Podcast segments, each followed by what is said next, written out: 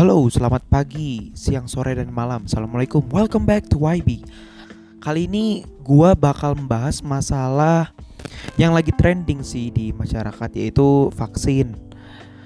Mungkin yang dengerin ini udah pada divaksin atau udah vaksin yang kedua atau gimana.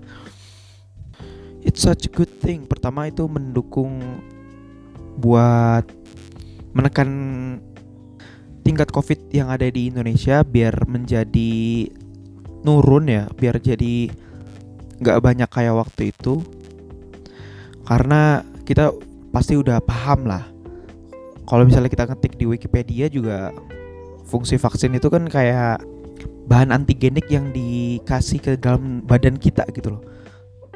Buat buat tubuh jadi uh, lebih kebal gitu loh jadi paham dan bisa bikin sel imun ke badan kita.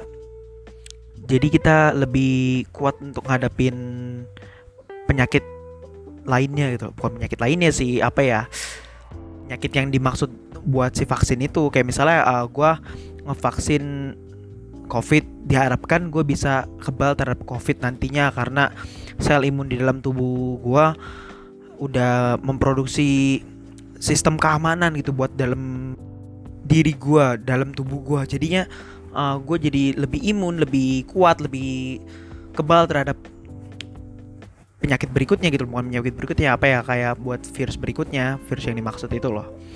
Jadi kalau misalnya kita bicara masalah vaksin ya kita bicara masalah sebuah cara di mana kita dikasih suatu beban buat nambah kekuatan dalam tubuh kita gitu loh.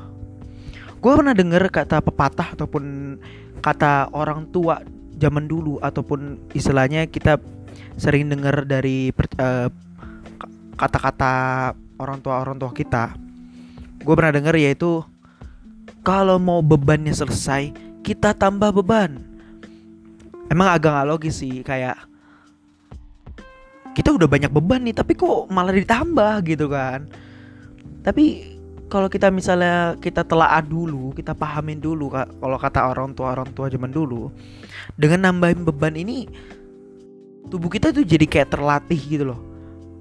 Karena pada dasarnya konsep vaksin itu ya kayak gitu. Kalau kita mau menyederhanakan konsep pemikiran vaksin itu, itu pun juga berlaku buat jiwa kita gitu loh. Jiwa kita sebenarnya juga butuh vaksin dan gue biasanya menyebutnya itu dengan vaksinasi jiwa sih kayak jiwa ini perlu divaksin gitu.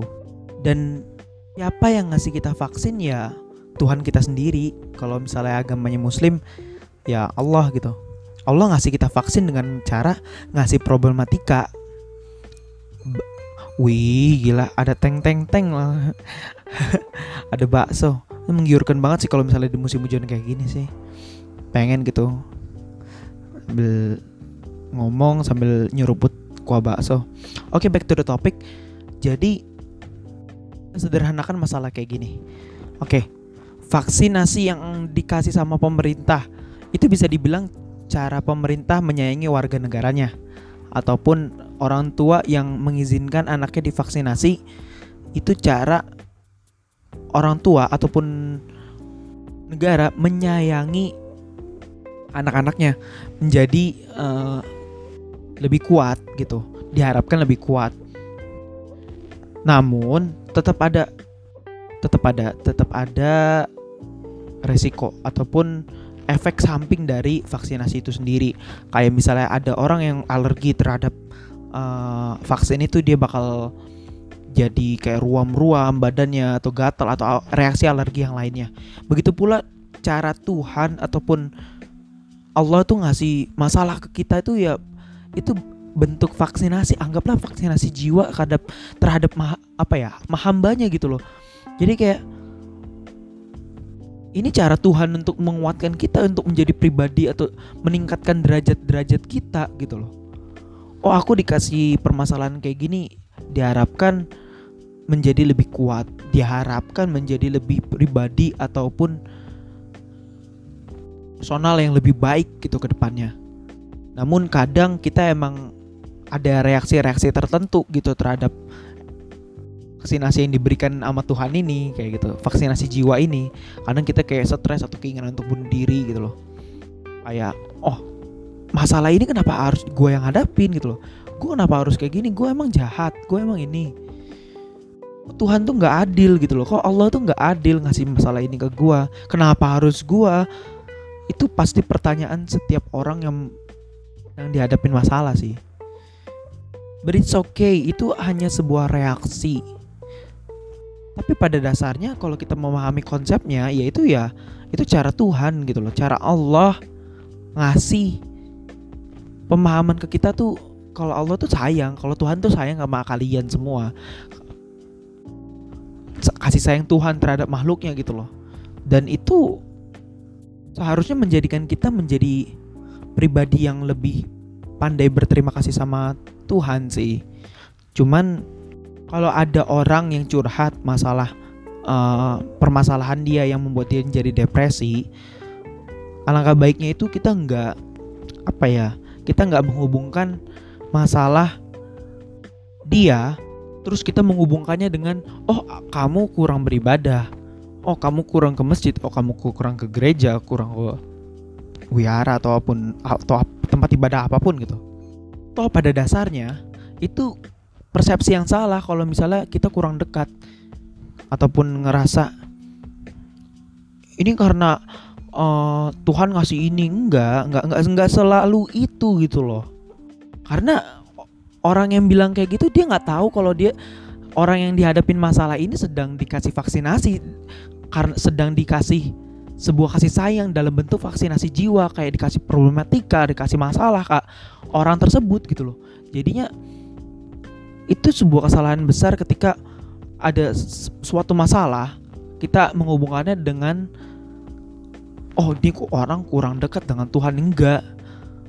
Siapa tahu itu merupakan bentuk kasih sayang sama tuh uh, dari Tuhannya gitu loh dan kalau masalah ibadah ibadah itu kewajiban gitu loh ibadah itu sebuah keharusan yang ada di dunia ini jadi kalau ada masalah itu sebenarnya beda klasifikasinya dengan iba, uh, ibadah karena masalah adalah menurut gua persepsi gua masalah yang dikasih Tuhan itu adalah bentuk kasih sayang. Sedangkan ibadah adalah kewajiban yang harus dilakukan kita di dunia ini. Karena kita sedang berada di dalam ruang ujian. Dunia ini ruang ujian gitu loh. Jadi, ketika kalian menghadapi orang yang lagi kayaknya tengah-tengah depresi, sebaiknya support secara verbal maupun non verbal itu diperlukan. Kayak kalau misalnya kita nggak punya kapasitas untuk ngasih pengertian ataupun ngasih solusi yang tepat, setidaknya kita mendoakan agar pribadi tersebut menjadi lebih kuat dalam menghadapi masalahnya. Gitu aja sih. Lagian kalau kita misalnya menjustifikasi oh kamu kurang ibadah itu itu bukan kapasitas kita sebagai makhluk Tuhan atau makhluk Allah atau hamba Allah sekalipun itu bukan kapasitas kita menuduh kamu kurang ibadah gitu loh gak itu beda klasifikasi dan kita sebagai sesama manusia at least supportnya verbal maupun non verbal. Kayak kita ngebantu uh, dia lagi ada masalah keuangan oh mungkin kita uh, bersedekah mungkin kita ada punya rezeki sedikit kita kasih bisa kan? Atau misalnya dia butuh support kata-kata ya ucapan kata semangat itu lebih baik ketimbang menuduh kamu kurang ibadah. It, it's not solution. It, itu bukan solusi yang tepat. Dan diharapkan semua orang dapat ngerti hal tersebut gitu. Oke. Mungkin dari gua cukup segitu. Kalau misalnya dari kalian yang punya persepsi berbeda, punya pemahaman, pendapat berbeda dari gue, gue dengan senang hati dengerin itu. Karena gue sebenarnya mengharapkan feedback baik gitu loh dalam pembicaraan kayak gini. Karena itu bisa jadi pelajaran buat gue juga, ataupun pelajaran buat kalian. Asal itu hal yang baik gitu loh buat kita semua. Jadinya doa dan harapan dari gue sesama manusia ataupun sesama hamba Tuhan Semoga kita menjadi pribadi yang lebih kuat, menjadi pribadi yang lebih hebat sebelumnya dengan masalah-masalah yang kita hadapin. Semangat nggak boleh hilang. Ingat tujuan dan luruskan niat. Sekian. Selamat pagi, siang, sore, dan malam. Assalamualaikum.